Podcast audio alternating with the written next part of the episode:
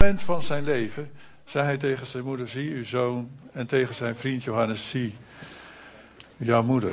En hij wees naar zijn eigen moeder.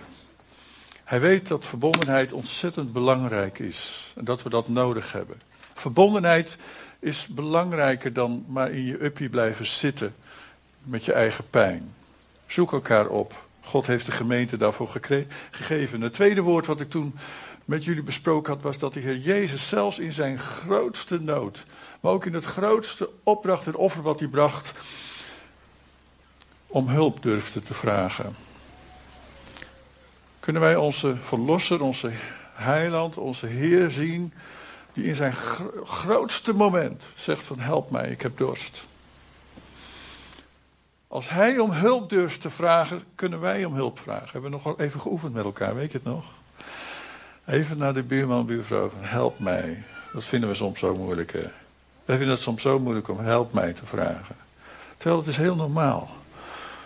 We doen het naar God, maar we doen het ook naar elkaar. Het zou eigenlijk heel normaal moeten zijn. Dat we wat transparanter zijn en ook, ja, ook wat onder dat huidje zit van ons, echt met elkaar durven delen. Wel, vanmorgen wil ik het afmaken.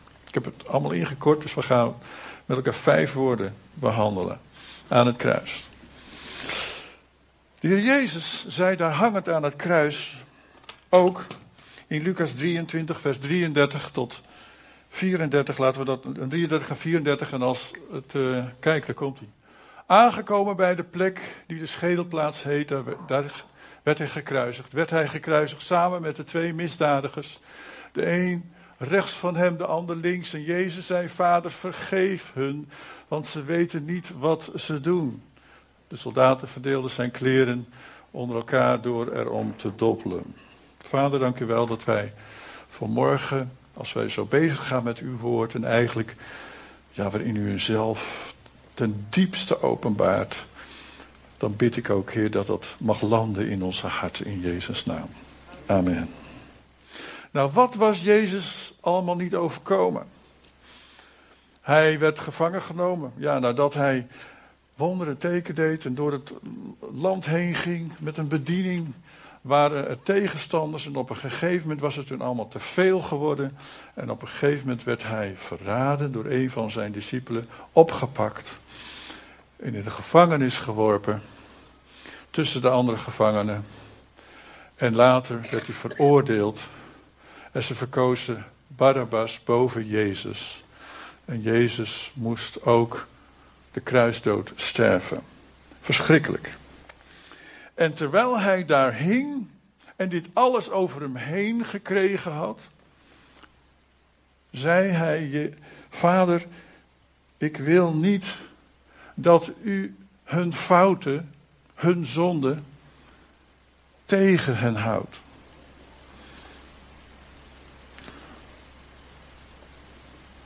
Vergeven. Vergeef hun wat ze doen. Vergeef hun hun fouten en hun zon. Vergeef hun wat ze daar doen met mij. Want hij was bezig op dat moment aan het kruis te betalen. De rekening te betalen. Voor de zonde ook van hen.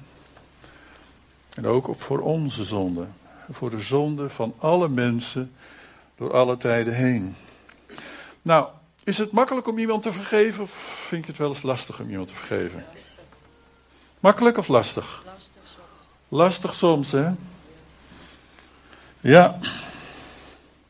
Zeker als het iemand is die je pijn gedaan heeft, dan is het soms lastig om die persoon te vergeven. Het is niet zo makkelijk.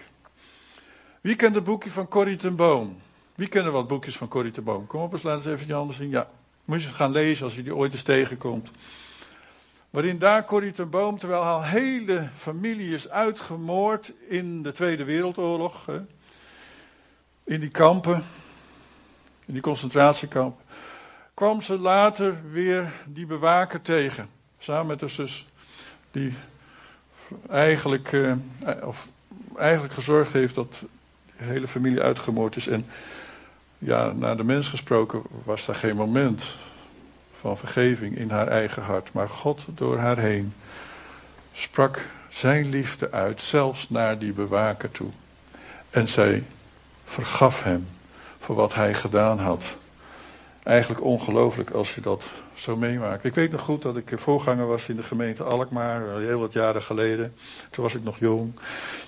Maar toen hadden wij een jongetje, een jongetje, een tiener van 13, 14 jaar, die werd aangereden door een dronken man. Terwijl hij naar school fietste. En die jongen werd vanaf zijn middel eigenlijk verlamd door die aanrijding. Verschrikkelijk. ik weet nog goed dat ik dat, die, dat gezin begeleidde. Dat zal je toch maar overkomen, vreselijk. En hoe ze daar doorheen worstelden. Niet alleen de, de, fysieke omstand, de omstandigheden, fysieke problemen. Maar ook geestelijk gezien. Wat, wat, wat, je zou naar de mens gesproken alleen maar vreselijk boos zijn. En vol, misschien wel vol haat naar die man. Die gewoon de drank niet kon laten staan. En eigenlijk eh, van die jongen, zo'n leuke jongen van 13 jaar, een invalide jongen maakte. Hij heeft later nog bij mij op mijn kantoor van de kerk heeft hij gewerkt. En we hebben samen een heleboel, lol gehad samen. Maar uh, die ouders moesten tot dat punt komen, en ook hij, dat ze die man konden vergeven. Vergeven. En we hebben daarin Gods hulp nodig. Want ik denk, zonder God, hoe, hoe, hoe kun je vergeven? Zonder God, hoe kun je vergeven? Ik weet nog goed dat mijn vader mij vergeving leerde. Ik was een, jochie van een jaar of 10, 12. En eh, er gebeurde iets in ons gezin wat mij heel veel pijn deed. En ik was razend als kind. Ik was echt razend. Ik stormde de trap op van een, terwijl onze slaapkamers hadden waren boven. Ik smeet de deur van, als tienjarige, twaalf jaar, de deur van mijn, van mijn slaapkamertje dicht. Met zo'n klap dat het glas wat erin zat eruit viel en kapot brak. En ik stond te trillen op mijn beentjes.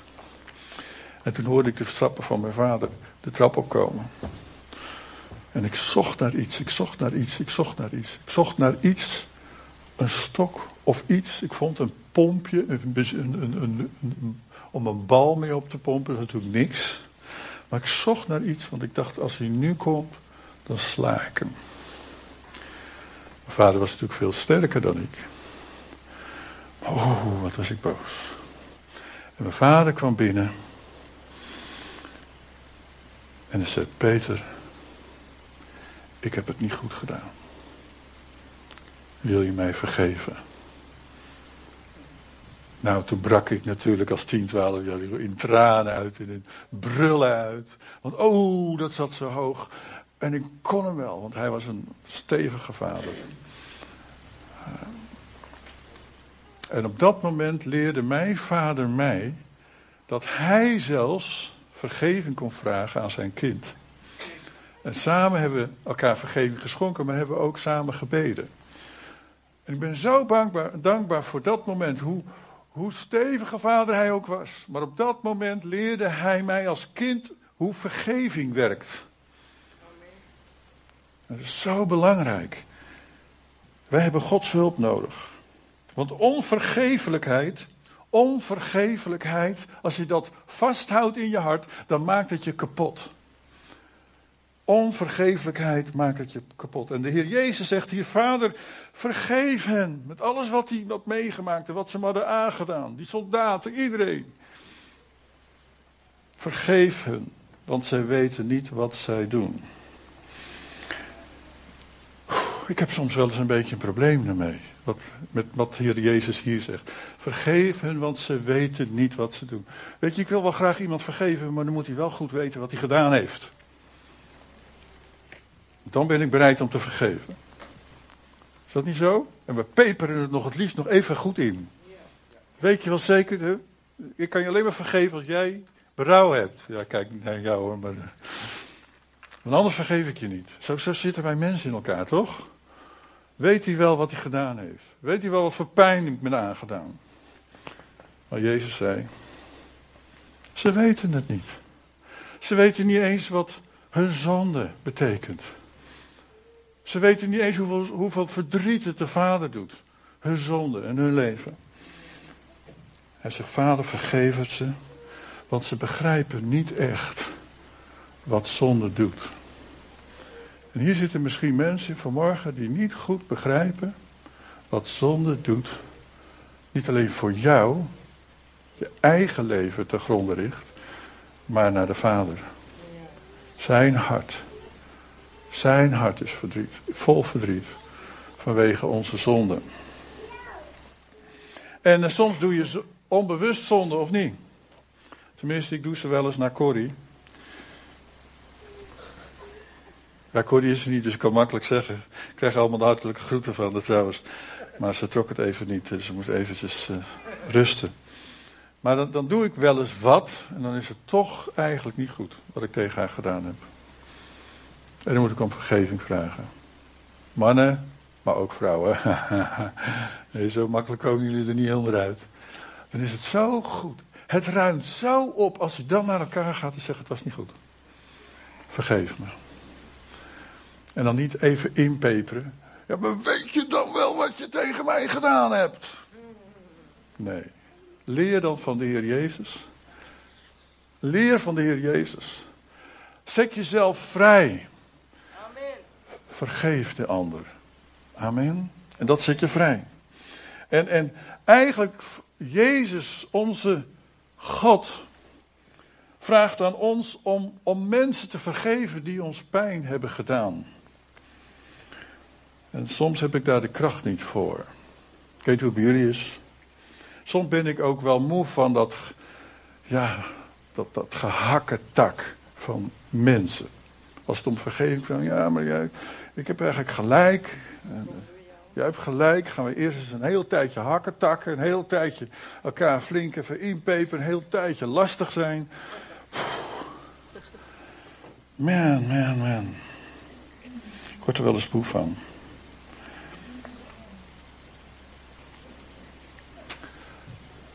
Ik bid dat de Heer Jezus ons in onze harten laat zien wat Hij zag toen Hij daar hing aan het kruis. Hij zag daar zijn mensen waarvan Hij hield. Hij zag daar de soldaten die Hem gegezeld hadden. En die hem in de gevangenis hadden, hadden gegooid. Die hem dat kruis op zijn rug, op, op zijn schouders hadden gelegd. Toen hij op weg was naar Golgotha. En hij was vol van liefde. Ik kan er bijna niet voorstellen hoe dat werkt. Maar toch wil God ons daarbij helpen. Weten jullie dat? Die liefde die dan wij zelf niet kunnen opbrengen, die wil God in ons hart geven. Romeinen 5 vers 6. Toen wij nog hulpeloos waren, is Christus immers voor ons, die op dat moment nog schuldig waren, gestorven. En waarom? Omdat God ons zo lief had. Al zo lief heeft God de wereld gehad dat hij zijn enige geboren zoon gegeven heeft, opdat een ieder die in hem gelooft niet verloren gaat, maar eeuwig leven hebben. God heeft mij jouw onverdiende vergiffenis, vergeving geschonken. En nou mogen wij vanuit die vergeving, dat wij vergeven zijn, naar andere mensen kijken en zeggen van Heer, help mij dan ook om anderen te vergeven die mij wat hebben aangedaan. Ook als begrijpen ze niet wat ze me aangedaan hebben. Ik wil toch, ik wil mezelf daarin vrijzetten. Van die gevangenis waar ik anders in zit. Als ik dat vasthoud. Maar ik geloof dat iedereen waarde heeft voor God. En dat Jezus Christus is gestorven voor iedereen, voor alle mensen. En wij kennen vast wel iemand die we op dit moment waardeloos vinden omdat hij ons pijn heeft gedaan. Maar die God in waarde wil herstellen en het moment komt voor jouw leven en in jouw situatie als jij die persoon vergeeft. Het volgende woord is in Matthäus 27, vers 45 tot 46. Ik hoop dat dat er allemaal op kan. Rond het middaguur viel er duisternis over het hele land. De drie uur die drie uur aanhield. En aan het einde daarvan, in het negende uur, gaf Jezus een schreeuw en liep luid: Eli, Eli, lema of lama sabachthani. Dat wil zeggen: Mijn God, mijn God, waarom hebt u mij verlaten? En dit was het, het, het, het meest duistere moment eigenlijk van die kruisiging. Waarin de Heer Jezus, die zoveel van ons hield, eigenlijk door deze woorden in het diepst van zijn ziel liet kijken. Wat dat betreft was de Heer Jezus wel een transparant iemand. Hij was niet een gesloten iemand. Zelfs terwijl hij daar hing aan het kruis, liet hij ons in het diepste van zijn ziel eh, kijken. Men was stil geweest rondom dat kruis. Men wachtte de dood af. En toen kwamen die woorden. Ik weet niet of hij ze hard op kon uitspreken of dat hij ze gefluisterd heeft. Mijn God, mijn God, waarom heb je me verlaten? Hoe kun je dit doen, mijn God? Want het is eigenlijk heel wonderlijk dat de Heer Jezus hier voor het eerst zijn Vader met het afstandelijke woord God benoemt. Moet je maar eens goed opletten. De Heer Jezus heeft het altijd over zijn vader. Maar hier is de vader plotseling heel ver weg. De vader is niet dichtbij. Hij zei, bad altijd, vader, ik dank u. Hij leerde ons, onze vader die in de hemelen zijt. Het was voor hem heel dichtbij. Maar op dit moment gebruikt hij het voor hem althans afstandelijke woord God. Waarom deed hij dat? Omdat hij dat zo voelde. Hij voelde dat de afstand heel groot was geworden. Hij hing daar alleen. Hij voelde de macht van de duisternis over hem komen. Hij voelde de zonde van deze wereld over hem komen. En lieve mensen, de zonde heeft een prijs.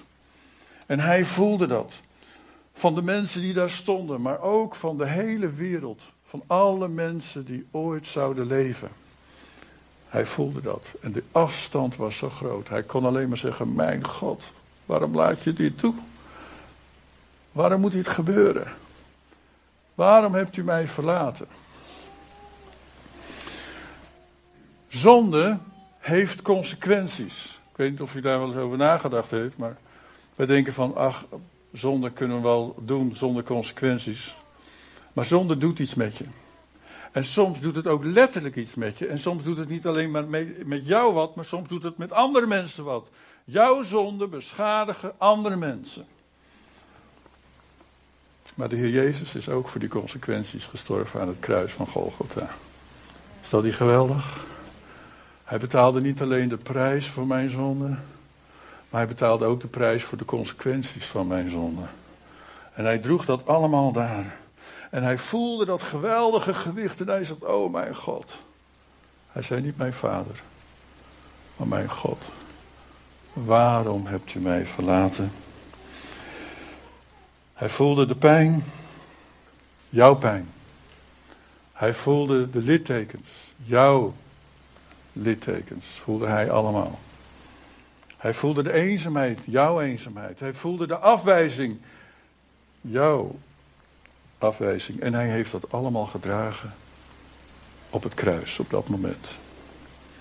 Jesaja 53, die had het al voorspeld. De profeet Jesaja, vers 5 en 6. Om onze zonde werd hij doorboord en om onze wandaden werd hij gebroken, staat er. Voor ons welzijn werd hij getuchtigd. Zijn striemen brachten ons genezing. En wij dwaalden rond als schapen. Ieder zocht zijn eigen weg, maar de wandaden van ons allen. De wandaden van ons allen liet de Heer op hem neerkomen. We dat gewicht een beetje voelen wat daar gebeurde aan het kruis? Wie is er wel eens pijn gedaan door een ander? Kom maar, wees maar eens eerlijk. Ja, ik, zal, kan zowel mijn hand als mijn voet omhoog steken, zowat. En als je ze dan vergeeft vanuit de liefde van God, dan word je vrijgezet. Maar er blijven soms wel eens littekens over, is dat niet waar? Littekens blijven wel soms zitten dan. En die zijn ook niet zomaar weg. Soms zijn het littekens van afwijzingen. Dan blijf je de rest van je leven blijf je daar last van houden. Je hebt misschien wel die personen die, dat, die je hebben afgewezen vergeven, maar je hebt verder nog genezing nodig over die littekens in je leven. Maar weet je, de Heer Jezus had ook littekens. En hij is er nog.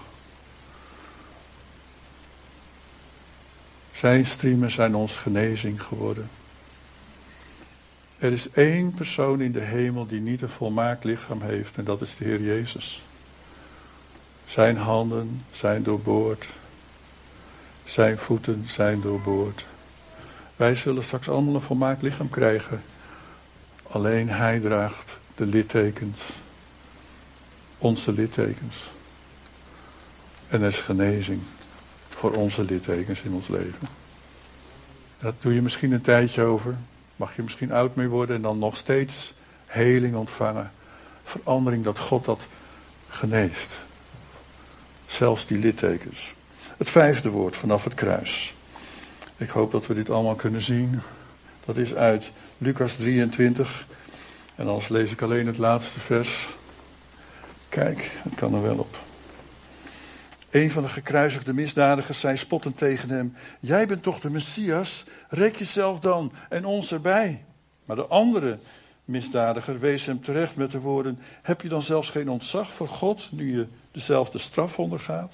Wij hebben onze straf verdiend en worden beloond naar onze daden. Maar die man, en hij wees op Jezus, heeft niets onwettig gedaan.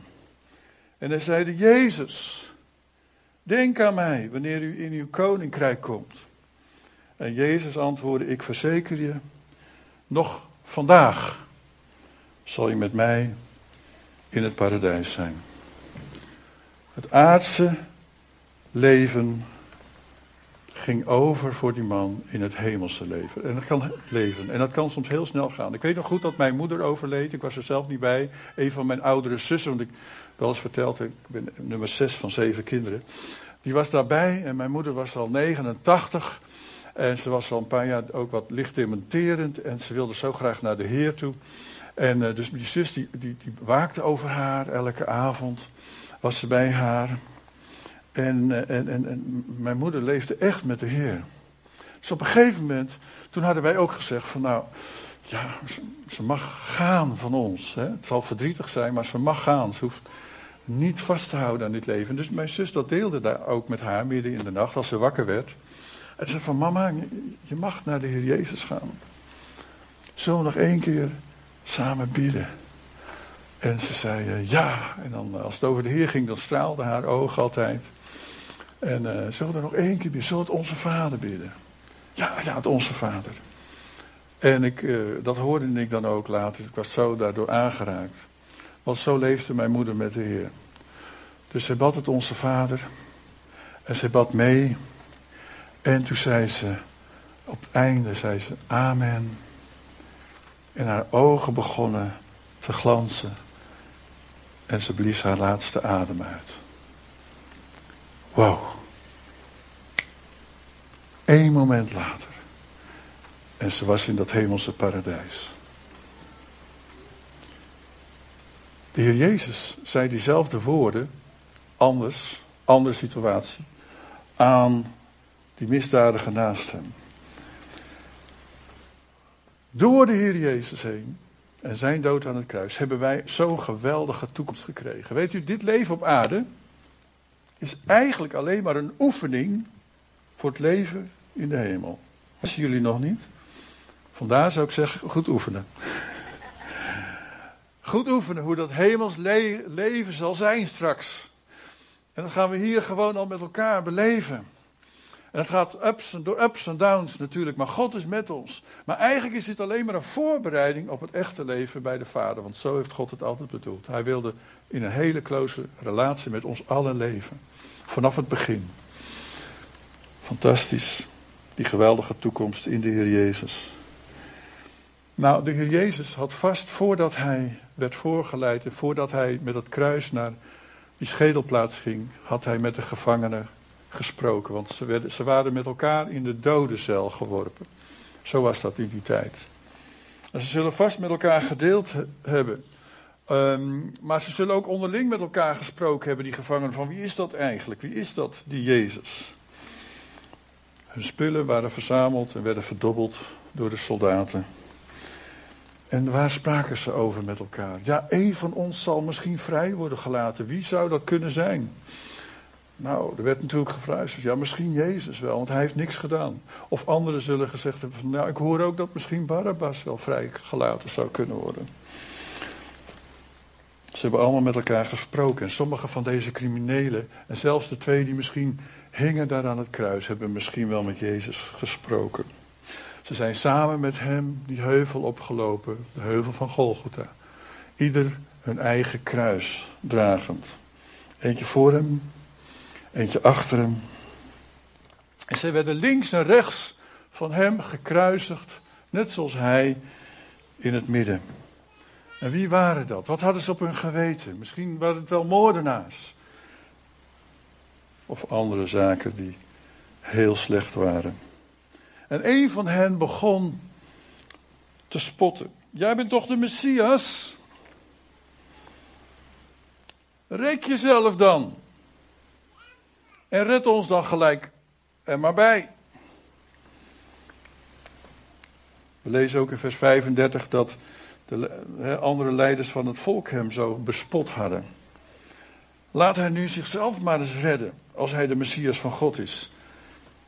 Zijn uitverkorene. Alsof ze zeiden van Jezus, je bent niks beter dan wij. Je bent net zoals wij. En nu komt het echte verhaal wat dan komt.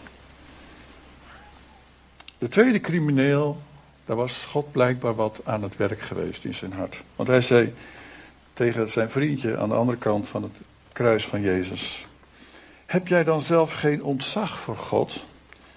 Nu je dezelfde straf ondergaat, we hebben onze straf verdiend, we worden beloond onze daden, maar die man naast ons, die heeft niets onwet, onwettigs gedaan. En hij begon een gebed te bidden. Hij sprak als het ware gebed uit Jezus.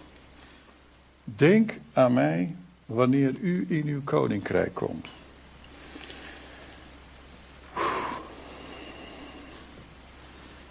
Hij had de woorden van Jezus natuurlijk gehoord, die hij al uitgesproken had.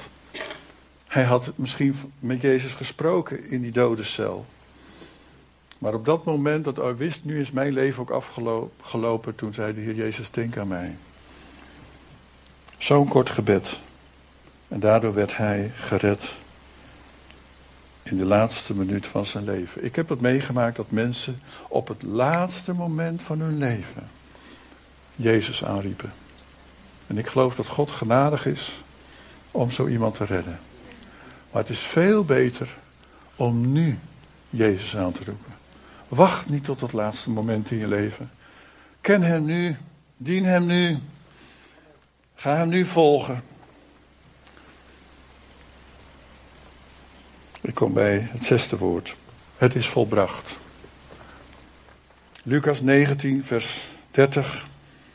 En uh, ik denk dat de meeste omstanders daar de werkelijke betekenis ervan hebben gemist. Ze dachten van oké, nou ja, het is klaar, het is uh, het einde. Het is het einde van zijn leven, nu gaat hij dood. Maar eigenlijk betekenen die woorden, tetelestai, ik heb het gehaald. Ik heb het gehaald. Ik heb de strijd gewonnen. Ik heb mijn taak volbracht.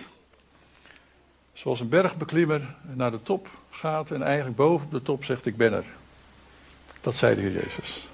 Ik ben er. Dit was waarvoor ik gekomen ben. Alsof je je examen hebt gehaald. Nou, de wereld kijkt naar het kruis en naar ons christenen, zeker in onze tijd, in Nederland vandaag, van nou ja, dat zijn een stelletje zwakkelingen. Is dat niet zo? Heb je er geen last van? Ik heb er wel last van. Ik zeg ja, we geloof helemaal niet nodig, joh. Die christenen, wat is dat nou? Ze zijn gewoon zwak. Ja. Maar wij weten dat dat kruis is voor de sterken. Amen. Want er is kracht in dat kruis. En Jezus zei: Het is nu klaar. Het mijn opdracht is nu, is nu af. Het is klaar. Het volmaakte offer wat gebracht moest worden voor de zonde van deze wereld en ook de consequenties van de zonde van deze wereld. Voor de pijn, voor de moeite, voor de ziekte, voor de problemen. had hij gedragen en zijn opdracht was klaar. Hebreeën 9 zegt er zo mooi over, Hebreeën 9 vanaf vers 12. Christus is voor ons, voor eens en altijd, het hemelse heiligdom binnengegaan. En dan niet met bloed van bokken en jonge stieren, zoals het volk van Israël dat elk, elke keer weer moesten doen. En, maar met zijn eigen bloed. Zo heeft hij een, niet een tijdelijke, maar een eeuwige verlossing, heeft de Heer Jezus verworven voor ons. Dus het kruis is voor ons een teken van kracht. Amen. Wat hij toen deed, dat doet hij ook vandaag. Het is klaar. En eigenlijk zei Jezus: Het is klaar. Maar gelijktijdig zei hij: Maar ik ben nog niet klaar. Hij zou, wat zou hij doen na drie dagen? Opstaan uit de dood. Amen. De kracht van de Vader, de kracht van God, zou hem uit de dood opwekken. Om aan te tonen, om te bewijzen, het is mijn garantie, is mijn verzekering dat ik een eeuwig leven heb gekregen. Die garantie, verzekering heeft Jezus zelf gegeven. Toen hij opstond uit de dood. En nu, nu jaagt de dood geen angst meer aan. Wat staat het ook alweer? Nu jaagt de dood. Dat is een mooi lied, geloof ik. Het schiet zo in mijn gedachten. Waarom? Omdat de Heer Jezus mij het bewijs heeft geleverd. De garantie heeft afgegeven. De verzekering afgegeven dat ik een eeuwig leven heb ontvangen in Hem. Amen. Goed, het laatste woord. Lucas 23, vers 46. Dan zijn we klaar. Ben even wat later geworden vanwege alle andere dingen die we vanmorgen moesten doen. Jezus riep met luide stem: Vader, in uw handen beveel ik mijn geest. Dat waren de laatste woorden en toen blies hij de laatste adem uit. Nou, dat waren woorden uit een Joods avondgebed, die elke Jood bidt voor het slapen gaan. Psalm 31, vers 6. In de NBG staat er: In uw handen leg ik mijn leven. Dat is de NBV bedoel ik. In uw handen leg ik mijn leven. In de NBV. In uw handen. NBG, in uw handen beveel ik mijn geest. Heere, trouwe God, u verlost mij. Nou, er zal een dag zijn dat wij gaan sterven. Dat denk je niet aan als je jong bent, moet je ook niet doen, maar ik denk er wel eens aan. Ik denk van ja, komt een dag dat ook mijn leven stopt. En wat zullen dan mijn laatste woorden zijn? Wat zullen jouw laatste woorden zijn? Wat zou je, wat zou je uitspreken? Tegen je kinderen, kleinkinderen, familie. Ik hoop dat je dan klaar bent om Jezus te ontmoeten en dat je iets kan uitspreken wat hun, hen de weg naar Jezus zal wijzen. Amen. Ik hoop dat ik, als ik dat zo gegeven krijg, met mijn kinderen en kleinkinderen rondom mijn bed nog iets mag delen van wie Jezus voor mij is. Maar ook dat het zo belangrijk is om Hem te kennen. Maar ook van een vertrouwen dat ik heb, waarin ik mezelf mag overgeven in zijn handen. Precies wat de Heer Jezus hier deed. Vader, in uw handen leg ik mijn geest. Ik verbind mij weer met u. Net had hij zijn vader God even op afstand zo God genoemd. En nu was het weer vader. Is dat niet mooi? Ik ben weer verbonden. Ik leg mijn geest in uw handen. Mijn geest bewaar ik voor u. Wie heeft het wel eens dat hij wel eens geplaagd wordt in zijn gedachtenleven? Nou, ik wel. Wat zou er mooi zijn om te zeggen van Heer, mijn gedachtenleven, mijn geest ook, wil ik bewaren. En het beste plek waar, waar het bewaard zal zijn, is in, in, in uw handen. Help mij om mijn gedachtenleven, mijn geest ook regelmatig toe te vertrouwen in uw handen. Heer, ik wil dat het bewaard zal zijn voor u. Ik wil me niet overgeven aan bitterheid. Ik wil me niet overgeven aan negatieve gedachten. Ik wil me niet overgeven aan onreinheid. Heer, ik wil zo graag dat ook mijn geest, mijn gedachten, bewaard zijn in uw handen. Ik geef mijn geest in uw handen. En ik denk dat de Vader boven in de hemel, als ik dat zo kan voorstellen, zei: Welkom thuis. Je mag thuiskomen. Kom maar. Toen de Heer Jezus dat ook zei, mijn geest in uw handen, toen zei hij eigenlijk ook, de wereld heeft geen controle over mijn geest. Maar de Vader heeft de leiding van mijn leven. En is het niet mooi dat wij dat eigenlijk ook zo zouden moeten bidden? Heer, in uw handen geef ik mijn gedachten, mijn geest. Ik wil niet dat de wereld controle over mijn geest heeft. Ik wil niet dat de zonde controle over mijn denken heeft. Maar ik wil het in uw handen geven. Want bij u is het veilig. Kunnen wij die dingen die wij niet kunnen fixen in het leven, niet in de handen van de Heer leggen? Ik wil daarbij mee eindigen vanmorgen. En eigenlijk komen tot een afronding. Ik weet niet of de muziek een lied heeft en even vast kan gaan spelen, zachtjes. Uh,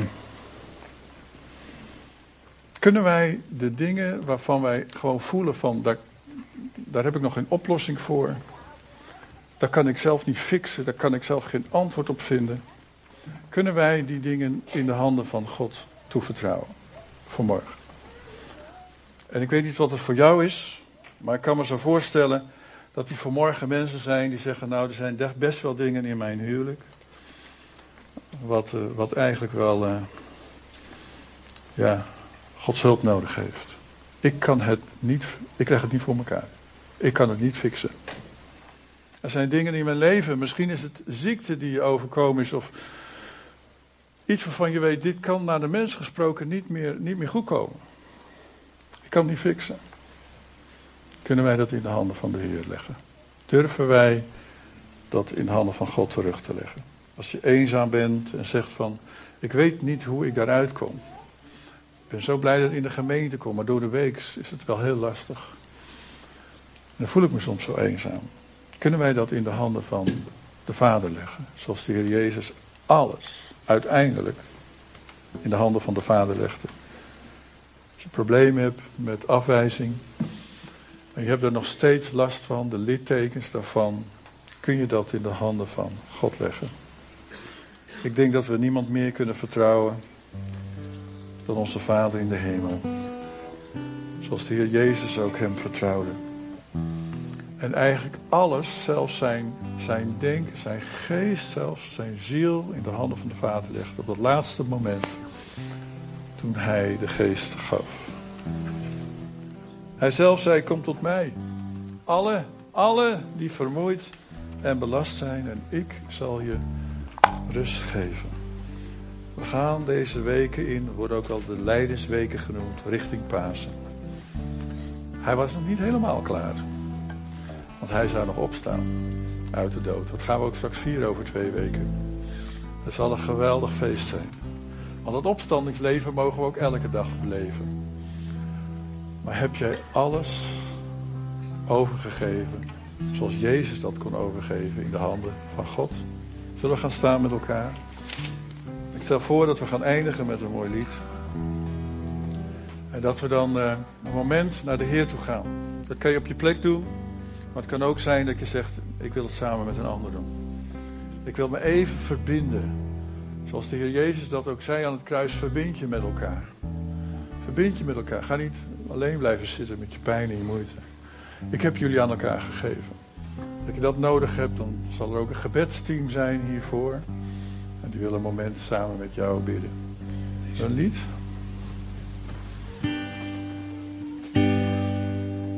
Tijdens dit lied kom dan gewoon naar voren. En dan uh, we zo meteen ook daarna de dienst eindigen. Maar als je de behoefte hebt, kom naar voren. Ja?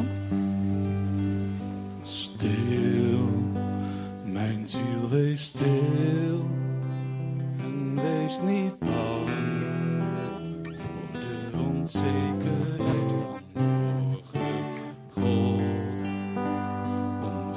je steeds.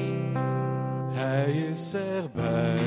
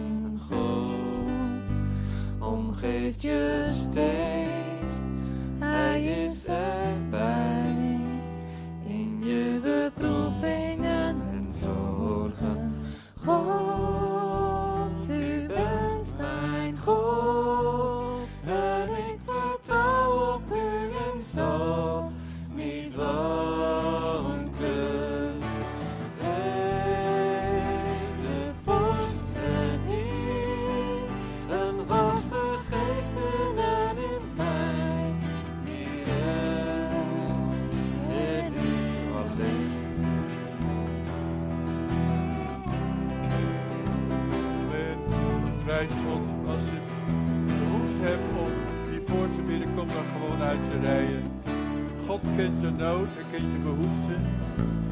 Jezus stierf aan het kruis. Voor alle zaken in ons leven. De moeite, de pijn, de strijd, de littekens. Misschien heb je een probleem met vergeving, een andere vergeving te schenken. En loop je misschien met een stuk brok in je hart, bitterheid. Dat zal je kapot maken. Totdat je weet, het kruis komt en zegt ach Heer, help mij te vergeven. Zoals u mij heeft vergeven in mijn leven. Help mij om te vergeven. Loop er niet mee door. Halleluja. Dank u Heer Jezus dat wij zo bij u mogen komen aan het einde van deze dienst. Heer, u kent ons hele hart, u kent ons leven, u kent de moeite, u kent de strijd. Maar Heer, wat u daar gedaan heeft aan het kruis, dat is onbeschrijfelijk. Dat is zo geweldig fantastisch. Heer, terwijl u daar voor onze zonde hing, en ook zelfs voor de consequenties van onze zonde daar hing. Heer, niet alleen voor hen van toen, maar ook voor alle mensen die ooit geleefd hebben. Ook voor mij hing u daar. Ik zou daar moeten hangen, maar ik hing daar niet. U heeft daar gehangen voor mij. U heeft alles op u genomen. En terwijl u daar hing, sprak u woorden. Nog steeds vanmorgen geklonken hebben, ook in ons leven. Van betekenis. Heer, waarin u ook vanmorgen ook in mijn hart wil zeggen, hoe is het met jou? Hoe is het met jou? Dank u wel, Heer, dat wij tot u mogen komen vanmorgen. Met onze pijn, onze moeite, ons verdriet. Misschien met onze zonden. Heer, misschien hebben wij dingen toegelaten. Laten we dingen toe, Heer, in ons, in onze gedachtenleven die niet van u zijn. We zijn gevangen geworden. Heer, van die verkeerde gedachten. Dan bid ik in de naam van Jezus. Dat wij vanmorgen bij u durven komen. Zeggen van Heer, mijn hele leven. Ook mijn gedachtenleven, mijn geest. Wij willen het net als u leggen in de handen van de Vader. Verbinden ons daarmee met de eeuwige God. Bewaar ons. Bewaar ons. Dank u wel, Heer, dat we zo vanmorgen als gemeente mochten nadenken over dat geweldige, vervulde plan van God daar aan het kruis van Golgotha. In u, Heer Jezus. En dank u, Vader, dat u dat allemaal heeft gepland. Heer, omdat u weet hoe wij mensen dit nodig hebben. De enige weg van verlossing, eens en voor altijd, door uw Zoon Jezus Christus. En als er iemand is die zegt, ik heb dat nog nooit zelf ontvangen in mijn leven. Ik heb Jezus ook nooit zelf ontvangen in mijn leven. Kom dan gewoon straks naar voren. Ik geloof dat Gods geest vanmorgen werkzaam is. In jouw hart. Het is dat stemmetje in jouw hart die zegt, het is voor mij. Ik moet ja zeggen. Ik, ik moet ja zeggen tegen God. Dat is dat stemmetje van de Heilige Geest. Luister ernaar.